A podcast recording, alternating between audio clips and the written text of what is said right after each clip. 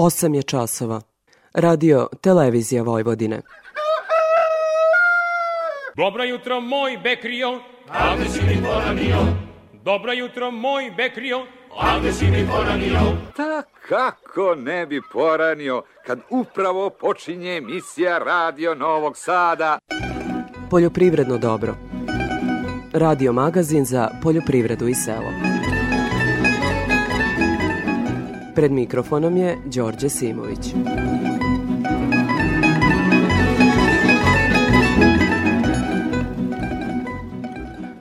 Poštovani slušalci, dobro jutro. Slušajući Radio Novi Sad minule sedmice, verovatno ste imali priliku da čujete mnoštvo priloga kolege Stevana Davidovića i mojih izveštaja sa 56. savjetovanja agronoma i poljoprivrednika Srbije i drugog savjetovanje agronoma Srbije i Republike Srpske u organizaciji Instituta za ratarstvo i povrtarstvo, kao i 48. simpozima poljoprivredna tehnika i zimski susreta poljoprivrede, vodoprivrede i šumarstva, a u organizaciji Poljoprivrednog fakulteta u Novom Sadu i Nacionalnog naučnog društva za poljoprivrednu tehniku. Ti skupovi su tradicionalno održani na Zlatiboru. Inače, kada sam pre više od decenije pitao domaćine tih manifestacija zašto ih organizuju na Zlatiboru, njihovi argumenti su bili sledeći. Krajem januara i početkom februara pre svega ratari imaju najviše slobodnog vremena. Prema njihovim rečima, da ih organizuju u Novom Sadu, Paore bi nastojali da što pre stignu kući, a ovako mogu da se skoncentrišu na predavanja, da se odmore i što je isto važno, na marginama skupova dogovore neke poslovne aranžmane. U skladu sa epidemijskom situacijom, ovogodišnje savjetovanje i simpozijum bili su skromniji po obimu, ali ne i po kvalitetu i organizatorima bi trebalo čestitati kako su opšte uspeli da organizuju skupove u ovakvim varednim okolnostima – Dakle, u emisiji ćemo vam predstaviti najnovija biotehnološka dostignuća stručnjaka Instituta za ratarstvo i povrtarstvo, pretočena u sorte i hibride vrhunskih karakteristika. Čućete i preporuke struke kako prilagoditi tehnologiju proizvodnje sve očiglednijim klimatskim promenama. Od ostalih važnih stvari u poljoprivredi i dalje je top tema azotno đubrivo. Ministar Branislav Nedimović najavljuje da će ga biti dovoljno, a poljoprivrednici Stiga su u sredu organizovali protestnu vožnju 150 traktora zbog njegove visoke cene. I kao šlag na tortu došla je informacija da je Rusija zabranila izvoz amonijum nitrata, dakle azotnog mineralnog đubriva, na dva meseca sve do 2. aprila. Iz vlade Ruske federacije napominju da će nakon tog datuma biti omogućen izvoz, ali tek kada bude zadovoljena tražnja na domaćem tržištu. Toliko u uvodu slušamo pesmu Šta će selo kad ne bude mene u izvođenju Zvonka Bogdana.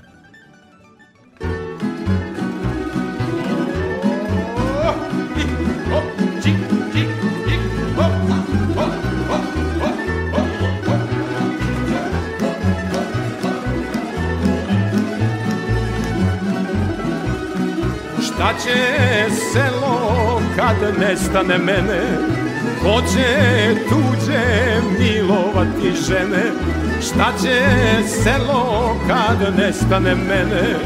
Ko će tuđe milovati žene Valjevo i divci, odoše vojnici. Osta samo pera, što mangu Petera. Valjevo i divci, odoše vojnici. Osta samo pera, što mangu Petera.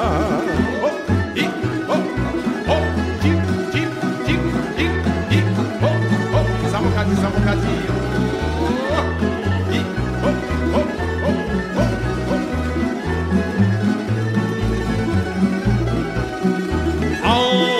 moja ženo od sto kila Šta si jela kad si sad debela? A o je moja ženo od sto kila Šta si pila kad si od sto kila? Valjevo i divci odoše vojnici Osta samo pera što mangu Petera. Valjevo i divci odoše vojnici Osta samo pera što mangu Petera. A je moja sudbino prokleta Šta učini za 50 leta. A je moja sudbino prokleta Šta učini za 50 leta Sanja moje Valjevo, sanja moje divce Slušam stare pesme i pominjem svirce. Sanja moje Valjevo, sanja moje divce Slušam stare pesme i pominjem svirce. Poljoprivredne Poljoprivredno dobro. radio, Radio Novi Sad. U nastavku poljoprivrednog dobra sledi detaljnija agroprognoza Ljiljane Đengalašević iz Hidrometeorološkog zavoda Srbije. Prvi dani februara obeleženi su promenljivim vremenom. Minimalne jutarnje temperature vazduha bile su u granicama proseka sa slabim do umerenim mrazevima na 2 metra visine. U prizemnom sloju vazduha bilo je uglavnom slabih do umerenih mrazeva koji nisu predstavljali opasnost za prezimljujuće poljoprivredne kulture. Maksimalne dnevne temperature su bile u okviru prosečnih za ovaj deo februara. Aktuelni temperaturni uslovi uslovljavaju apsolutno mirovanje svih prezimljujućih biljaka. Tokom proteklih sedam dana bilo je povremenih slabih padavina u većem delu zemlje. Sa porastom temperatura vazduha snežni pokrivač se u većini područja istopio, a još uvek ga ima ponegde u centralnim i u brdsko-planinskim područjima. Temperature zemljišta su tokom dosadašnjih dela zime bile uglavnom optimalne, tako da je stanje vitalnih organa ozimih kultura i krvnih leguminoza zadovoljavajuće. Početak februara je vreme da se otpočnu pripreme za obavljanje prihrane ozimih kultura azotnim đubrivima. Ovom važnom poslu najbolje bi bilo da prethodi pregled stanja useva i analiza zemljišta, kako bi se utvrdilo koliko hraniva treba dati ozimim kulturama povoljni vremenski uslovi u narednom periodu biće pogodni za obavljanje radova na nezi i zaštiti u voćnjacima i vinogradima. Otapanje snežnog pokrivača i nešto veće količine padavina tokom jesenjeg i dosadašnjeg zimskog perioda uticale su na veoma dobre rezerve zemljišne vlage, koje će biti od velikog značaja u predstojećem nastavku vegetacije. Tokom proteklih dana u nekim proizvodnim područjima uočeni su simptomi biljnih bolesti, ali u niskom intenzitetu napada. U usevima pšenice registrovano je prisustvo simptoma sive pegavosti lista pšenice, rđe i pepelnice žita, a u usevima ječma prisustvo simptoma mrežaste pegavosti lista ječma i pepelnice žita. Pored bolesti u usevima strnjina uočene su pojedinačne aktivne rupe od poljskih miševa. Prema prognozi tokom većeg dela naredne sedmice preovlađivaće promenljivo oblačno, suvo i toplije vreme od uobičajenog za ovo doba godine. Samo se u ponedeljak očekuje jačeno oblačenje sa kišom na planinama sa snegom, uz pad temperature i jak severni i severozapadni vetar. U toku noći moguća je pojava snega ponegde i u nižim predelima centralne i južne Srbije. Od utorka bi u većem delu zemlje bilo suvo i postepeno toplije sa sunčanim periodima. Krajem sledeće nedelje temperatura bi bila u padu. Za Radio Novi Sad iz Republičkog hidrometeorološkog zavoda Ljiljana Đingalašević. O prometu žitarica na produktnoj berzi više Anja Jakšić. Prve nedelje februara zabeležen je rast cena primarnih poljoprivrednih proizvoda kukuruza i soje, dok je pšenica imala negativan cenovni trend. Početkom nedelje, usled povećane tražnje izvoznika i domaćih prerađivača, kukuruz je zabeležio uzlazni trend u odnosu na prethodnu nedelju. Osim na domaćem, ovakav cenovni trend je bio primetan na evropskom i američkom tržištu usled nepovoljnih vremenskih prilika u Argentini i Brazilu. Berzanski ugovori na paritetu franku utovareno su zaključeni u cenovnom rasponu od 27 do 27 dinara 50 para po kilogramu bez PDV-a, dok se na paritetu franku isporučeno trgovalo po ceni od 27 dinara 80 para po kilogramu bez PDV-a. Najveće interesovanje je bilo za kupovinom ove žitarice sa isporukom robe februar-mart. Sredinom nedelje negativan cenovni trend na međunarodnom tržištu bio je u potpunosti korelativan sa dešavanjima i kod nas. Stekao se utisak da je ponuda bila povećana u odnosu na tražnju. Na samom kraju nedelje kukuruz sa klauzulom gratis lager mart je zaključen na cenovnom nivou od 27 dinara po kilogramu bez PDV-a što ukazuje na pad cene.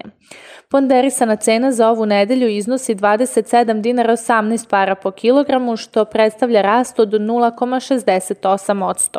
Na tržištu soje, za razliku od kraja prethodne nedelje gde je zabeležena manja zainteresovanost kupaca, tokom protekle nedelje je primetna intenzivnija tražnja za kupovinom ove uljarice. Kupoprodajni ugovori sa preuzimanjem robe tokom februara zaključeni su u cenovnom opsegu od 74 dinara 50 para do 75 dinara po kilogramu bez PDV-a sa jasnom tendencijom uzlaznog trenda. Na strani tražnje veću zainteresovanost su pokazali domaći prerađivači i trgovci. Ponderisana cena je iznosila 74 dinara 72 pare po kilogramu. U odnosu na prethodni upoređujući podatak, soja je poskupela za 0,35%. Cene soje su nastavile sa rastom i na američkom tržištu, dostižući sedmomesečni maksimum u Čikagu zbog nastavka međunarodne tražnje, ali takođe i zbog snižavanja proizvodnje u Brazilu u poređenju sa procenom USDA izveštaja prošlog meseca. Za razliku od tržišta kukuruza i soje, tržište pšenice je dosta mirnije. Kvalitetnija pšenica za promptnu isporuku sa minimum 12% proteina prometovana je na cenovnom nivou od 31 dinar 40 para po kilogramu, što ujedno predstavlja ovo nedeljnu ponderisanu cenu. Za razliku od prethodne nedelje, cena je niža za 0,32%. Krajem nedelje ponude u zavisnosti od parametara kvaliteta i brzine preuzimanja kretale su se od 30 dinara 50 para do 32 dinara po kilogramu bez PDV-a. Međutim, krajem nedelje do realizacije berzanskog ugovora nije došlo usled izostanka tražnje za ovom žitaricom. Negativan trend zabeležen je i u Čikagu jer je vremenska prognoza sugerisala kišu u oblastima ozime pšenice.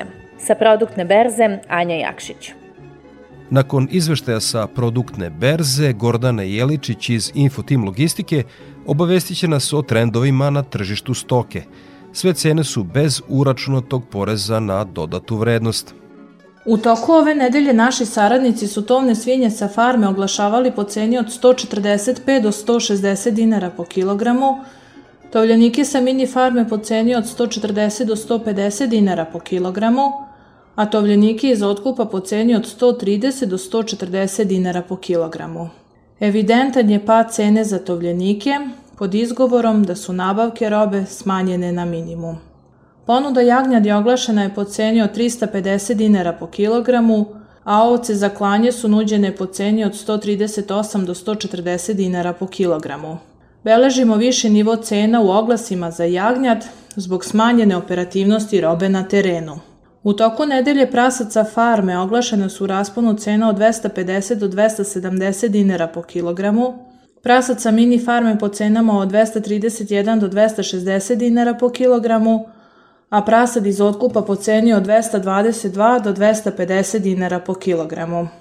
Zbog smanjene zainteresovanosti kupaca za nabavku prasadi, uočava se pad cene u pregovorima. Ponude bikova Holstein – oglašena je po ceni od 255 do 265 dinara po kilogramu, a bikova simentalaca po ceni od 280 do 295 dinara po kilogramu. Uočava se jači nivo cena u oglasima. Cene su izražene bez PDV-a. Za Radio Novi Sad, Gordana Jeličić iz Infotim Logistike. Nakon ovih tržišnih informacija čućemo o Đilu i Ciganočku. Čemu tama, čemu tama, to se kedi, mame rođe kam la mirov tu na džinesa, i na džinesa srmište se tu kama моя цыганочка, моя смокляночка, моя лукавочка любимая моя. Люблю я песенку, люблю цыганочку, и не забуду твои черные глаза, когда у табора тихонько подышает, и не шефу коляска застрепи, мое сердечко тихо замирает, ночи тиши лишь песенка звучит, моя цыганочка, моя смокляночка, моя лукавочка любимая моя. Люблю я песенку, люблю люблю тебя, и не забуду твои черные глаза. Али-ли-ля-ли-ля, али-ли-ля-ли-ля, али-ли-ля-ли-ля-ли-ля-ли-ля, али-ли-ля-ли-ля-ли-ля-ли-ля, али-ли-ля-ли-ля-ли-ля.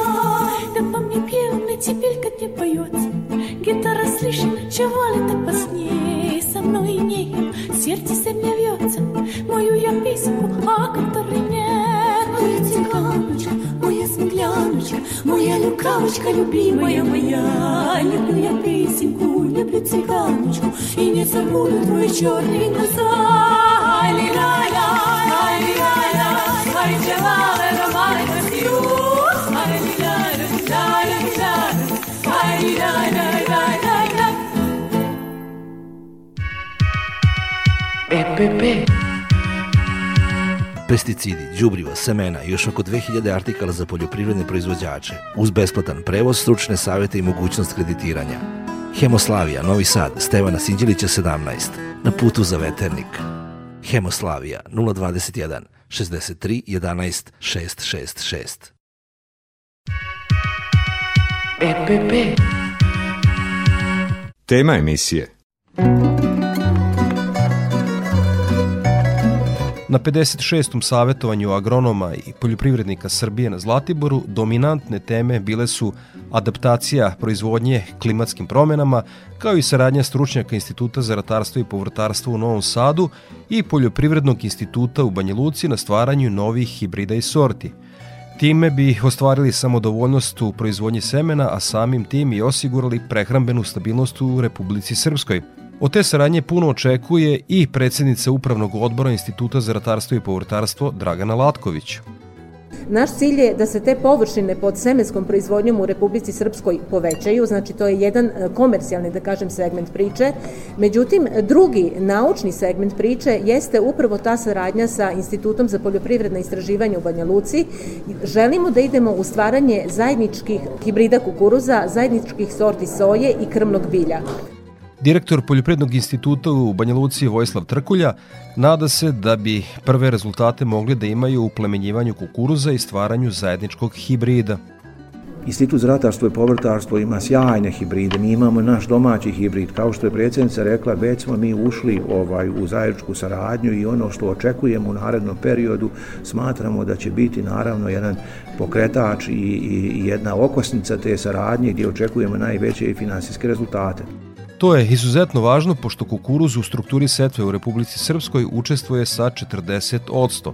Na panel diskusijama na savetovanju na Zlatiboru govoreno je u značaju diverzifikacije poljoprivredne proizvodnje, održivom korišćenju poljoprivrednog zemljišta kao i poboljšanju kvaliteta konzervisane stočne hrane. O tome će više biti reči u sredu u emisiji Agroargumenti. U temi emisije dalje pričamo o kukuruzu – To je naša najzastupljenija ratarska kultura. Godišnje ga posejemo na otprilike milion hektara. Zato su na savetovanju agronoma najviše pažnje prevukla predavanja posvećena kukuruzu. Stručnjak Instituta za ratarstvo i povrtarstvo Ivica Đalović govorio je proizvodnji kukuruza u uslovima suše gde je pravilna agrotehnika osnovni parametar uspešne proizvodnje. Imajući u vidu činjenicu da se sve više suočavamo sa pojavom globalnih klimatskih promena, Predviđanja istih idu u pravcu povećanja temperature, veće evapotranspiracije i učestalije pojave suše. E, predviđanja, s druge strane, globalnih klimatskih promena i te kako imaju važnu ulogu, ali intenzitet tih, tih mera još uvek je teško predvidjeti imajući u vidu na sveukupnu situaciju sa kojom se suočavamo. U Republici Srbiji je evidentno da se iz godine u godinu suočavamo sa variabilnošću klime. Situacija je utoliko komplikovanija ukoliko su na određenom području ili lokalitetu prisutne varijacije većeg broja klimatskih varijabli. Primjera radi, u periodu 1951. do 2021. godine uočen je jako veliki procenat sušnih godina, čak više od 50 procenata imajući u vidu da s jedne strane imamo pojavu suše, izražene variabilnosti klime, kroz nova tehničko-tehnološka rešenja težimo da primenom savremenih agrotehničkih mera ublažimo te negativne efekte klime. Moram napomenuti da agrotehničke mere imaju važnu ulogu u ublažavanju posledica od suše, ali ne mogu u potpunosti da ublaže efekat istih kao najznačajnije mere adaptacije, odnosno najznačajnije agrotehničke mere u savremenoj proizvodnji kukuruza, koje u značajnom stepenu mogu da utiču na povećanje prinosa u godinama kada se suočavamo sa izuzetno visokim temperaturama, odnosno pojavom suše su svakako ranija setva, optimalna gustina, izbalansirana mineralna ishrana, primjena navodnjavanja kao jedna od najefikasnijih mera u borbi protiv suše i svakako gajanje tolerantnih hibrida široke adaptabilne osobe, odnosno široke genetičke osnove to jest hibrida koji se upravo stvaraju za ove agroekološke uslove proizvodnje.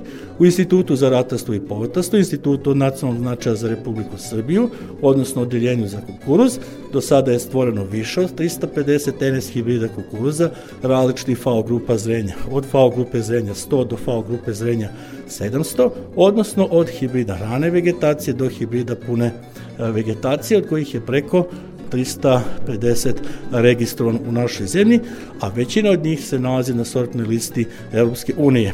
Ono šta, što sa a, posebnom zadovoljstvom ističemo je činjenica da su to hibridi a, visokog genetičkog potencijala za prinos dobre adaptabilnosti i stabilnosti za gajanje u različitim agroekološkim uslovima proizvodnje, izuzetne tolerantnosti prema suši, tolerantni prema ekonomski najvažnijim prouzrokovačima bolesti i Sa ponosom ističemo činjenicu da su to hibridi koji e, brzo otpuštaju vlagu u momentu berbe, što je za naše poljoprivredne proizvođače izuzetno važno. Gustina setve je večito pitanje u proizvodnji kukuruza. Poslednjih 30 godina prisutna je tendencija povećanja broja biljaka po jedinici površine. Tome je doprinala pojava hibrida boljih agronomskih osobina koji efikasnije koriste hranljive materije i vodu, dobre adaptabilnosti i koji su svakako podnose gušći sklop. Međutim, kada je u pitanju E, gustina kao vrlo važna agrotehnička mera, e, ne možemo odoliti a da ne istaknemo činjenicu da naši poljoprivredni proizvođači često zaboravljaju činjenicu da u proizvodnji kukuruza dominantnu ulogu imaju zimske padavine, padavine u toku vegetacije, raspored azota po dubini profila i gustina setve. Ove parametre ističem iz razloga što e, na osnovu njih možemo da pravilnije odredimo gustinu setve kada je u pitanju proizvodnja kukuruza, naročito kada se očekuju manje povoljne godine. Ne treba zaboraviti činjenicu da su neposredno pred setvu nama poznata dva parametra. To su zimske rezerve vlage u zemljištu i raspored azota po dubini profila.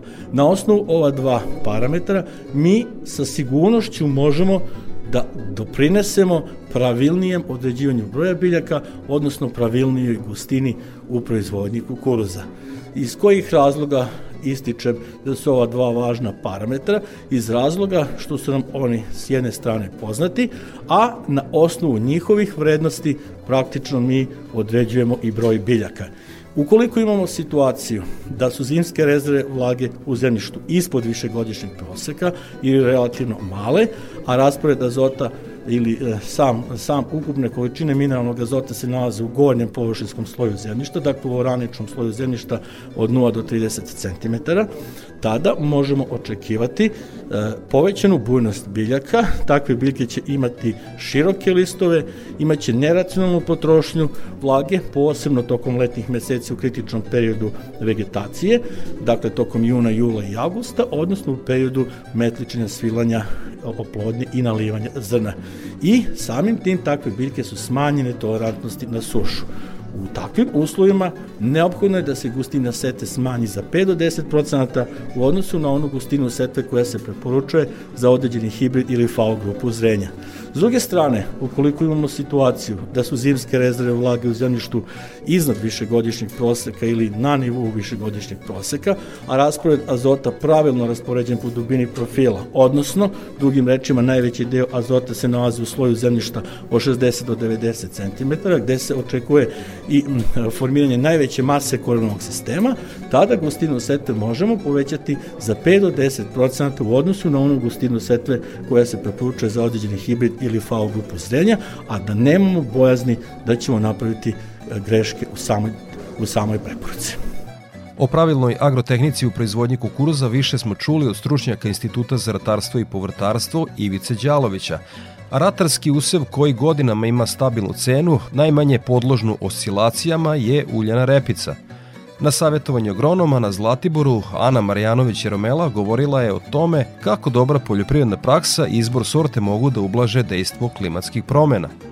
Klimatske promene jesu jedan od ograničavajućih faktora u proizvodnju svog ratarskog bilja, uključujući uljanu repicu kao od jedne od najvažnijih industrijskih biljnih vrsta koje se gaje u Srbiji.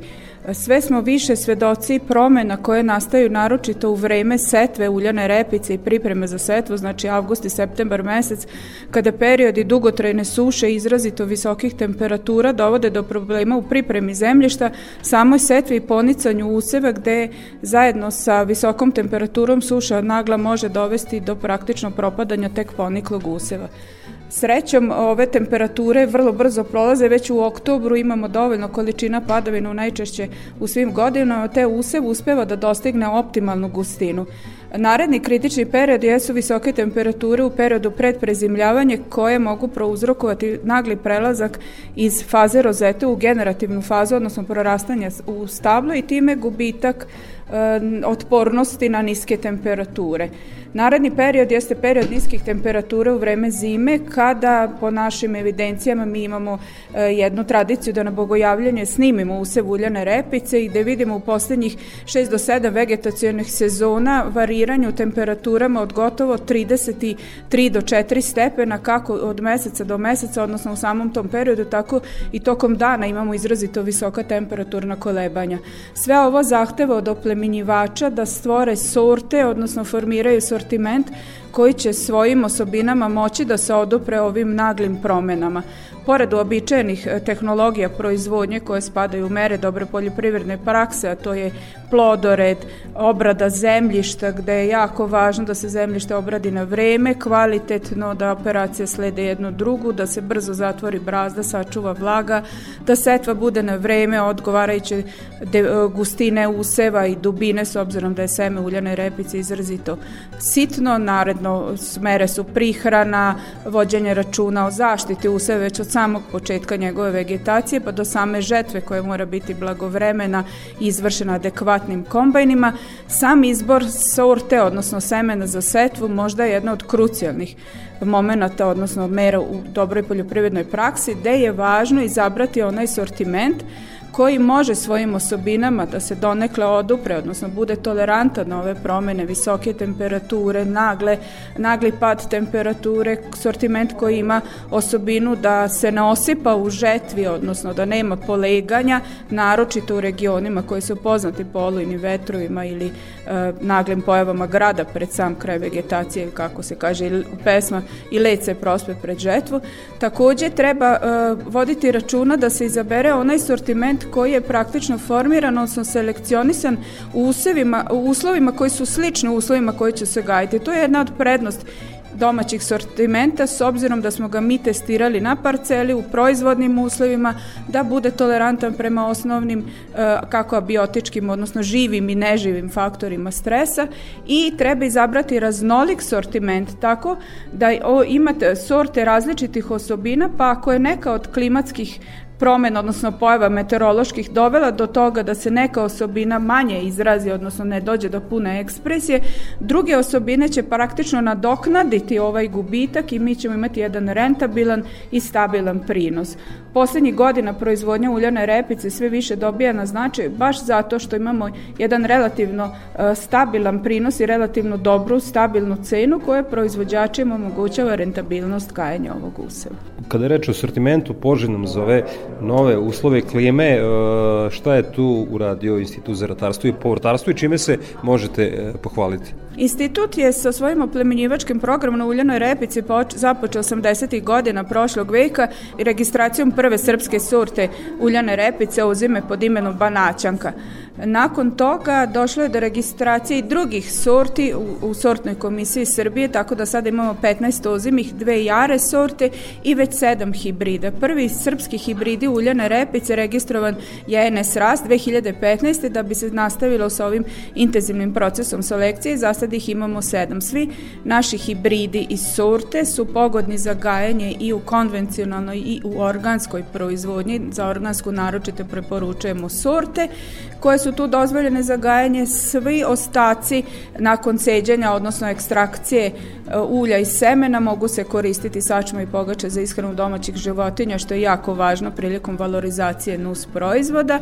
Isto tako e, treba znati da naše sorte imaju jako važnu osobinu, a to je da ne prorastaju u jesen u stablo, što je dosta važno s obzirom da takav sortiment može da izdrži ove visoke temperature tipične za neke jeseni kod nas, kada prelaze u stablo, neke sorte i hibridi koji su prebujni i tako podignut čvor rasta iznad površine zemlje ako nije pokriven snegom, a to se često dešava, naročito u glavnim proizvodnim područjima uljane repice, to su ravničarska područja, da ostane iznad površine zemlje nezaštićen i podložen niskim temperaturama.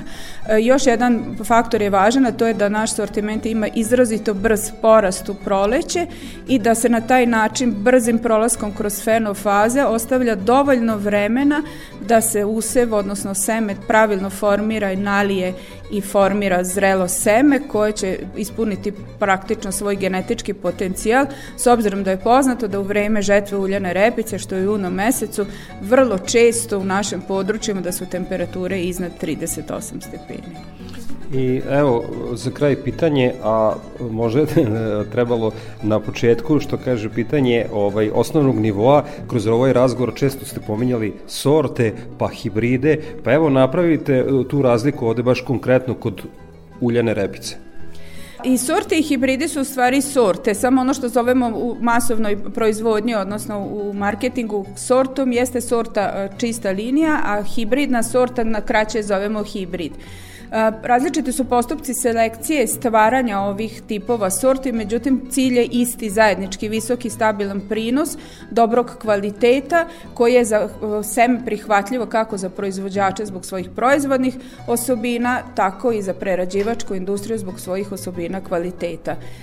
Hibridi se donekle odlikuju svojom povećanom bujnošću, kako se to kaže, u se te hibridne snage, gde u jesen imaju nešto brži razvoj i nešto bujniju masu, međutim našim poređenjem sorti i hibrida i dugoročnim radom smo ustanovili da značajnih promena nema, naročito u uslovima loših i e, uslova, tako da kažem, za godinu za gajanje za uljene repice, godinama lošim za gajanje uljene repice, gde e, sorte mogu da nadomeste svojom adaptabilnošću, odnosno sposobnošću da se prilagode ovim uslovima neke od nedostataka, tako da u zavisnosti od godine nekad sorte, nekad hibridi imaju svoje prednost, zato baš savjetujemo jednu raznolikost sortimenta kod proizvođača, znači da se ne zadržavaju samo na jednoj sorti ili samo jednoj hibridu, nego u zavisnosti od veličine parcele i po položaja da to bude jedna ili dve, pa čak i tri sorte hibrida. Za Radio Novi Sad, Ana Marjanović i Romela, hvala vam puno na odvenom vremenu za naš program. Hvala vama što ste me pozvali, nadam se da će proizvođači biti zainteresovani za gajanje uljane repice za sva pitanja, vi i mi smo uvek tu. Kao što smo rekli na početku emisije, uz savjetovanje agronoma u organizaciji Instituta za ratarstvo i povrtarstvo, Na Zlatiboru je upriličen 48. simpozijum poljoprivredna tehnika kao i zimski susreti poljoprivrede, vodoprivrede i šumarstva, a u organizaciji Poljoprivrednog fakulteta u Novom Sadu i Nacionalnog naučnog društva za poljoprivrednu tehniku. Na skupu je stručnjak Poljoprivrednog fakulteta u Novom Sadu Aleksandar Sedlar govori o tome šta se sa početkom 2022. menja u kontroli mašina za zaštitu bilja, dakle prskalica i atomizera. Kontrolno testiranje prskavica je mera koja je doneta 2019. godine, članom zakona 51, zakon o sredstvima za zaštitu bilja, ali taj član je imao odloženo dejstvo, za, znači odložen je za januar 2022. godine, 1. januar. E, situacija je takva da je umeđu vremenu su doneta tri pravilnika. Pravilnik o, su, o polaganju stručnog ispita za lice koje obavlja kontrolno testiranje, pravilnik o, o po pravnom licu, što treba da posjeduje pravno lice koje će vršiti to testiranje, znači koji opremu, kakav prostor, i pravilnik o tome šta i kako se testira. Sve prskalice i atomizeri preko 100 litara zapremne rezervoara i preko 3 metara raspona krila se testiraju. Ne treba se plaše naši poljoprivredni proizvođači, testiranje znači vizualni pregled mašine, da li je sve ispravno, da li znači nema nekog curenja, kapanja i zatim tri merenja. Merenje protoka pumpe. Ako na pumpi piše 100 litara, mora da ima protok 90 litara. 10 litara, 10% je dozvoljeno stupanje. 10% je dozvoljeno stupanje. Provera ispravnosti manometra, 10% dozvoljena greška i provera protoka raspuskivača 15% odnosno na nominalni protok od na 3 bara, primjer radi, je to što je potrebno da se desi. Kod većine proizvođača to je da kažemo, informacije koje imam na osnovu broja kontrola koje uradimo godišnje, uradimo kao fakultet preko 200 kontrola, kod većine proizvođača, stuskivači su ta krizna, krizno mesto i eventualno popravka pumpe. Znači pričamo o adaptacijama od par hiljada dinara, kompletna reparacija je i par desetina hiljada dinara, ali pričamo o dobiti koja se ostvaruje kad imate ispravnu mašinu, znači ne samo efikasnost, ne samo uh, bolja, bolja isplatljivost primjene pesticida, nego i ekološka dobit koja se ugode u zaštiti od sredine. Sankcija neće biti, znači ja nisam državni organ, ali sam upućen u to kako će se odvijati sam proces. Sankcija neće biti na, na način da će neko neko zabraniti da koriste mašinu, ali će, ne, ali će oni koji imaju nedostatke mora da ih otklone pre nego što uđu u korištenje. Znači, šta znači otkloniti? Pumpu, uzeti, raskopiti i zameniti membrane. Kupiti novi raspraskivač koji treba da se zameni. Eventualno kupiti novi manometar. Tamo gde kaplje zameniti taj deo creva. Znači, ide se na to da se dovedu mašine u optimalno stanje na korist kompletno svih nas. I životne sredine, i e, ljudi koji rade i ljudi koji žive u okruženju i naravno divljači.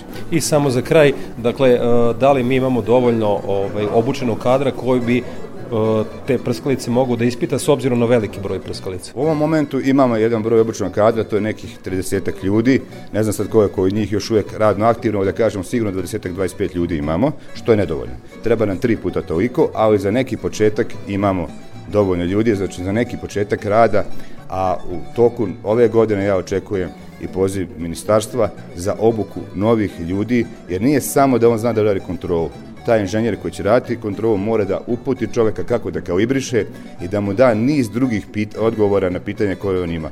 Čin, ideja je da se korisnik prskalice i atomizera i obuči uz kontrolu.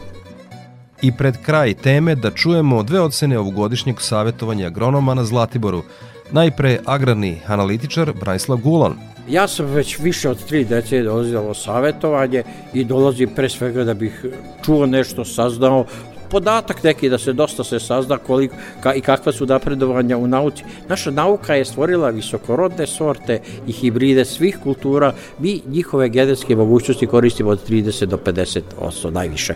Ovo je najmanji broj prisutnih ljudi, ja ne znam koliko ima sad, nisam izbrojio, ali da, da li ima više od 200, nisam siguran, ili 300, ali je najmanji broj prisutnih da ovim skupovima od, od kada ja dolazim. Međutim, kvalitet savjetovanja je dobar, svako može da dađe za sebe podešto da čuje što ga, što ga interesuje i to. Međutim, tema mnogo rasprava, ja mislim da treba seljacima reći i više na globalnom nivou recimo. Nema više od 500.000 goveda, zvanična statistika kaže 892.000, svinja imamo, kažemo, 2,5 miliona, čak i, čak i manje, ovaca je milion 700 država i oni koji se bave analitičari kažu treba nam više od milion i šesto hiljada goveda treba da nas da imamo. Treba da imamo šest i po miliona svinja, treba da imamo, imamo milion sedamsto hiljada ovaca, treba da imamo tri miliona ovaca. Prema tome i ovde se dosta čuje i, o, i svake godine ću godine ja radi, bude mogao da doli da radi dosta zdanja i u, u svoje analize da, pri, i da prikažemo narodu i deo tih analiza se nalazi u ovih podacima kojima sam govorio. Zoran Lambeta, zemljoradnička zadruga Agrogaj iz uh, Gajdobre. Evo, godinama ste uh, na savetovanju koje organizuje Institut za ratarstvo i povrtarstvo. Uh, kakva nova saznanja na ovom skupu i kakve koristi dobijate konkretno kao uvaženi organizator proizvodnje na vašem terenu? Tačno je to da ste primetili da smo već duži niz godina na ovim, prisutni na ovim savjetovanjima ali moramo posjećivati ovakva savjetovanja organizacije Instituta za ratarstvo i portarstvo iz Novog Sada iz razloga što ovde uvek na ovom mestu saznamo neka nova dostignuća, moramo da pratimo struku i nauku. Šta je to u klimatskim promjenama, šta je to u, oko setve, oko suše. Znači ovde na ovom mestu možemo da se edukujemo u tom pravcu. Svakako su ovde prisutni i profesori iz fakulteta iz Novog Sada, iz Instituta za ratarstvo i povrtarstvo, poljoprivrednici iz celog regiona. Znači, ovde je spoj struke i nauke i praktičara na terenu, to jest nas poljoprivrednika koji jednostavno izmenjamo naše iskustvo u prethodnom periodu i saznamo šta će se dešavati u narednom periodu u smislu klimatskih promjena, novih hibrida, novih semena, novih dostignuća i ostalog. Kolike su ovakve skupovi prilika da se ugovore neki novi poslovi za narodnu sezonu? Pa sigurno da jesu, da vam kažem, mada ovde recimo ovaj, na Zlatiboru imamo region dole, da kažem, centralne Srbije, Vojvodine, koji nisu reper. Različita je proizvodnja u Vojvodini, različita je u centralnoj Srbiji. Imamo sad prisutne naše kolege iz Republike Srpske. Znači, sigurno da se nađe tu neki vidovi saradnje i nekih ugovora u narednom periodu, ali to opet kad prođe Zlatibor, mi ovde uspostavimo kontakte, e, kasnije dolazi do realizacije takvih ugovora. Nema poljoprivrede bez mladih. Međutim, vi u vašoj porodici možete biti zadovoljni i stepenom znanja i elanom da se nastavi u poljoprivredu, ali tu imate i neke sugestije. Da čujem tačno o čemu se radi. Pa vidite, svakako reč je o mladim poljoprivrednim proizvođačima koji imaju nameru i želju da ostanu na selu. Ovih zadnjih dana i zadnjih meseci stalno je apel na mlade poljoprivrednike kako da opstanu, kako da ih država zadrži na selu. Recimo konkretno u mojoj porodici ovaj, jedna čerka je završila u Škotskoj finansiji računovodstvo, master, a druga je na poljoprivrednom fakultetu u Beču. Oni nameravaju da svoje znanje iz struke primene ovde i hoće da se zadrže na selu. Međutim, čini mi se da država baš nema nekog sluha ne govorim konkretno o moje deci, ali o omladini koja želi da ostane na selu, da ih malo pogura, da im da veter u leđa. Možda nemaju kvotu neke zemlje za startnu osnovu, ali država bi mogla da im da 10-20 hektara na duži vremenski period i da im to bude vetar u leđa, jer oni hoće da ostanu na selu, imaju želju da ostanu, ali nemaju taj potencijal obradivih površina, što bi svakako država mogla da se okrene prema njima i da im obezbedi svaka lokalna samouprava ima, drž, ima fond državne zemlje i mogla bi tu državnu zemlju znači da da mladim poljoprivrednicima koji hoće i imaju želju da ostanu na selu da se bave poljoprivredom. Za Radio Novi Sad, Zoran Lambeta, Agro Gaj, Gaj Dobra, hvala vam puno na odvojenom vremenu za naš program. Nema na čemu, hvala vam. Toliko u temi emisije u kojoj smo pažnju posvetili 56. savjetovanju agronoma i poljoprivrednika Srbije i 48. simpozijumu Poljoprivredna tehnika. Slušamo miks pesama Neka uzdiše komora i ova naša livada u izvođenju Živojina Jergića pa ćemo čuti priloge naših dopisnika. Neka uzdiše komora suze nek lije Jer u mojim očima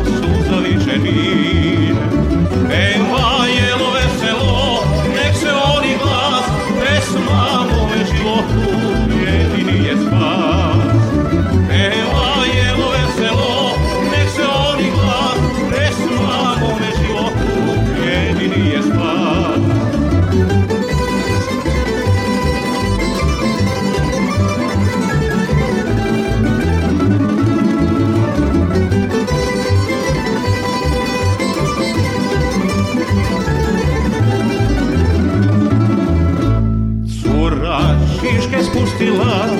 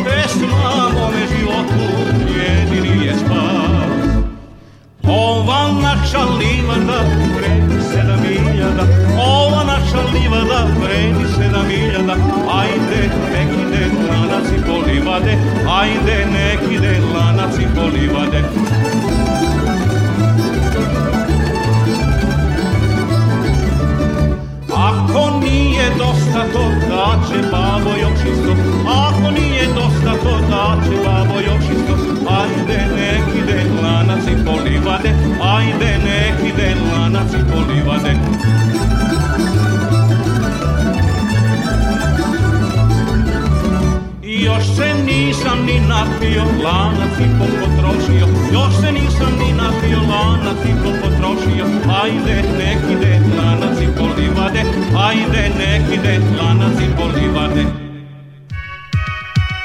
EPP pesticidi, đubriva, semena i još oko 2000 artikala za poljoprivredne proizvođače, uz besplatan prevoz, stručne savete i mogućnost kreditiranja. Hemoslavija, Novi Sad, Stevana Sinđilića 17, na putu za veternik. Hemoslavija 021 63 11 666. EPP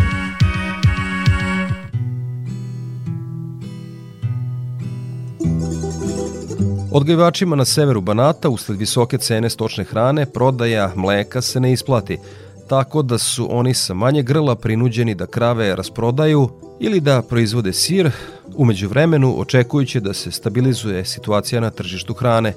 Oni koji planiraju povećanje kapaciteta na svojim farmama na raspolaganju imaju postice za kupovinu robota za mužu.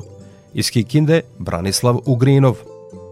Na severu Banata sve manje proizvođača mleka. Dugogodišnji mlekari u Mokrinu, Sava i Danica Terzić, ne vide zaradu u predaji mleka, već su se preorijentisali na proizvodnju sira. Trenutno imaju desetak krava simentalske rase, koje daju u zavisnosti od perioda godine od 35 do 40 litara. Evo šta kaže Danica Terzić. Da treba da držimo krave i da predajemo mleko, ne bi ih onda ni držali. Jako je niska cena mleka, hrana skupa i ne vredi raditi za badala. Terzić imaju svoju zemlju i proizvode hranu za stoku, tako da su uspeli da pronađu rešenje u periodu kada mnogi odustaju od proizvodnje mleka, jer im se u ovom momentu ona ne isplati, podsjeća Sava Terzić.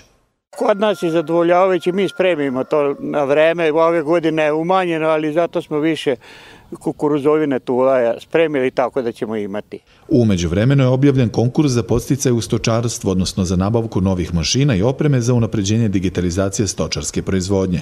To je lepa prilika za kupovinu robota za mužu, pogotovo onima koji imaju u planu proširenje svojih kapaciteta.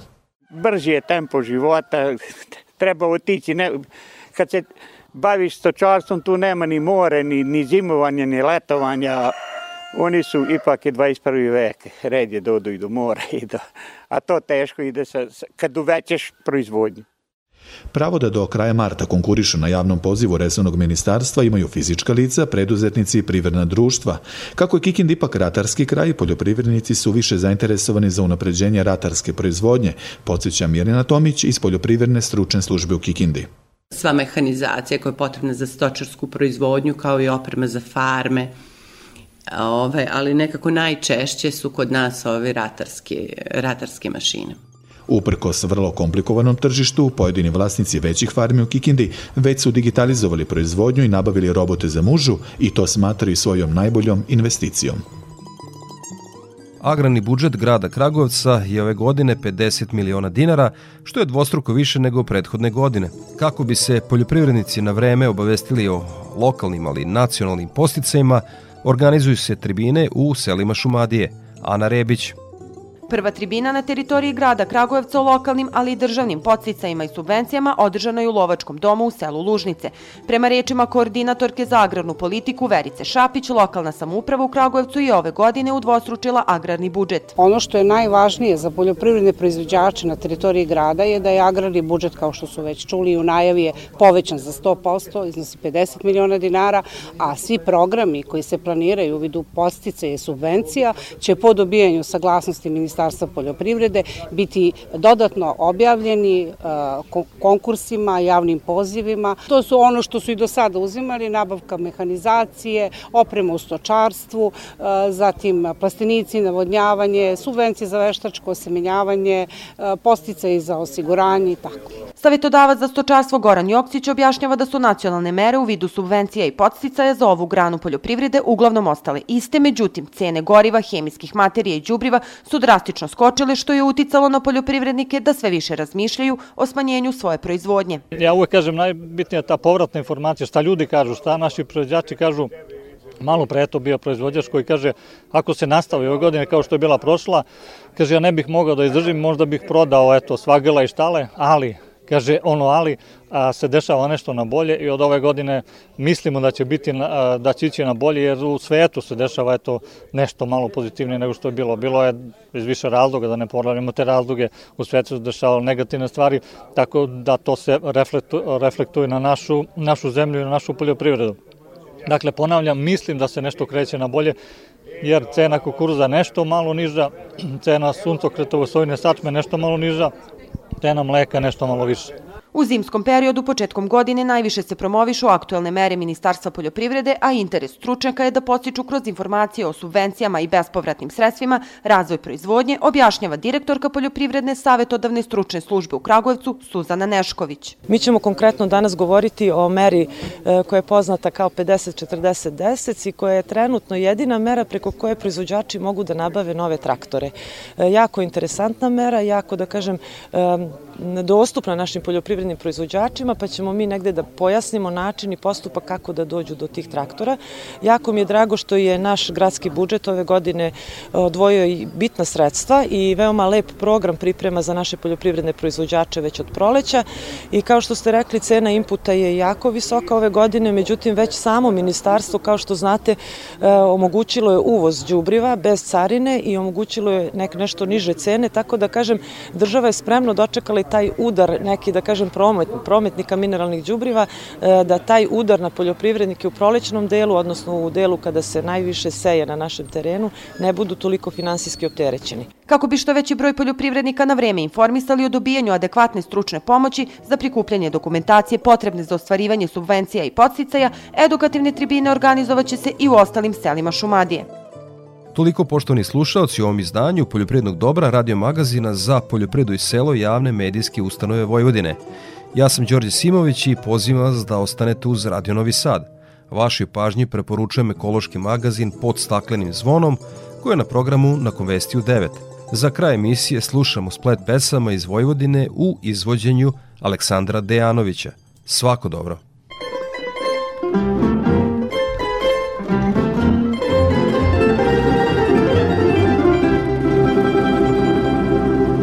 Dona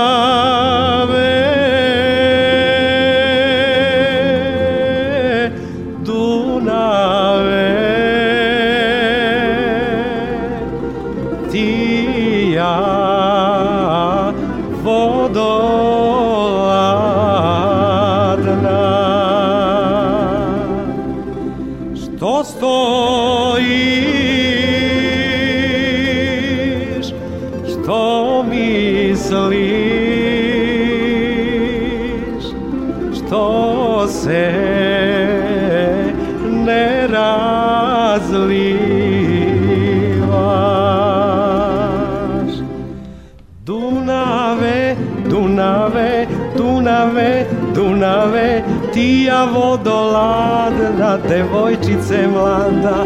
Dunave, Dunave, Dunave, Dunave Tija vodoladna, devojčice mlada.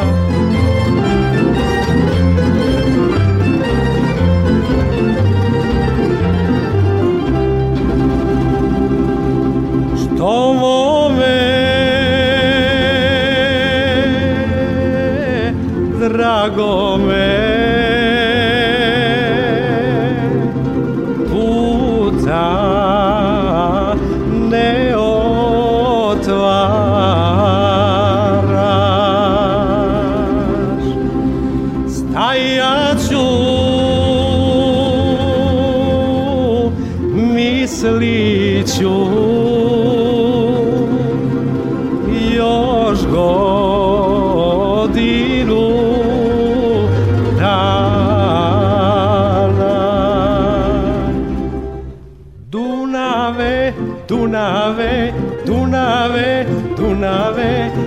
tija vodoladna, devojčice mlada.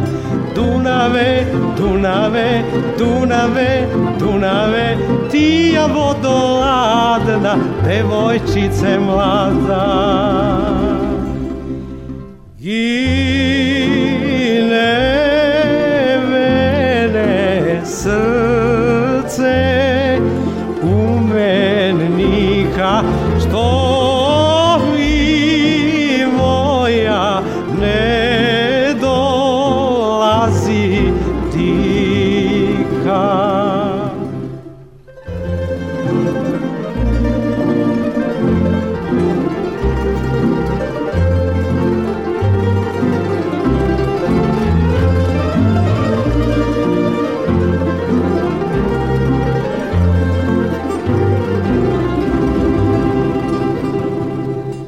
Da mi dođe da me srce prođe da mi dođe da me srce prođe.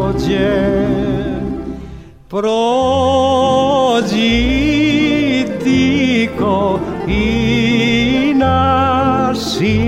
sokakom i naša je strana pa to sana Ančice, plavčice, odakle si ti? Ja sam seka iz Oseka, trgovačka ci. Ančice, plavčice, odakle si ti? Ja sam seka iz Oseka, trgovačka ci. U zoru, pijem na veru, opet ljubim curu garavu.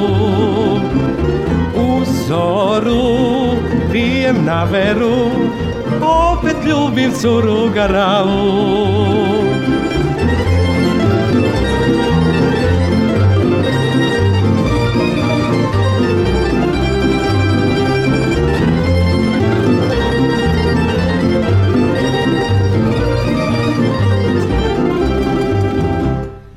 Ančice, plavčice, svaka tebi čest. Volo bi te poljubiti nego drugi šest. Ančice, plavčice, svaka tebi čest. Volo bi te poljubiti nego drugi šest. U zoru pijem na veru Opet ljubim curu garavu. U zoru pijem na veru Opet ljubim curu garavu.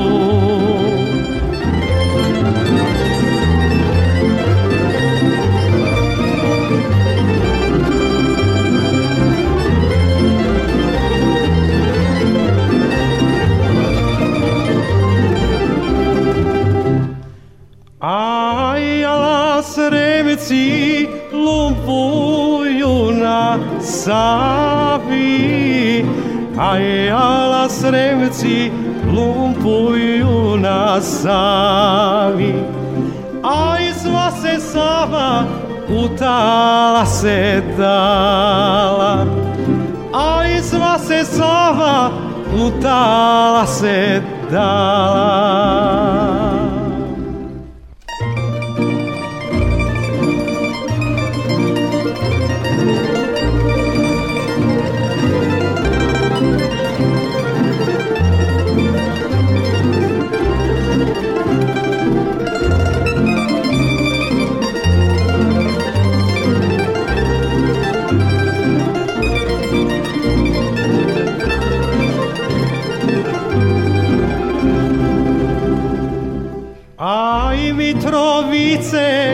grade pokraj Save Aj Mitrovice grade pokraj Save.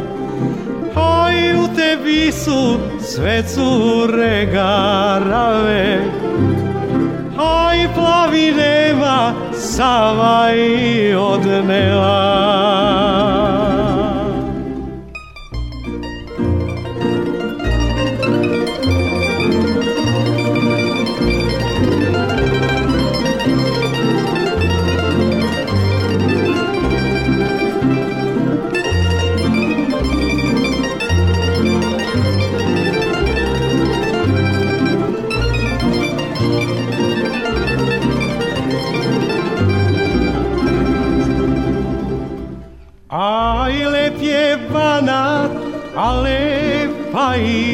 i bačka. Aj, lep je banat, a lepa i bačka. Aj, a najlepša kosa devojačka. A najlepša kosa devojačka.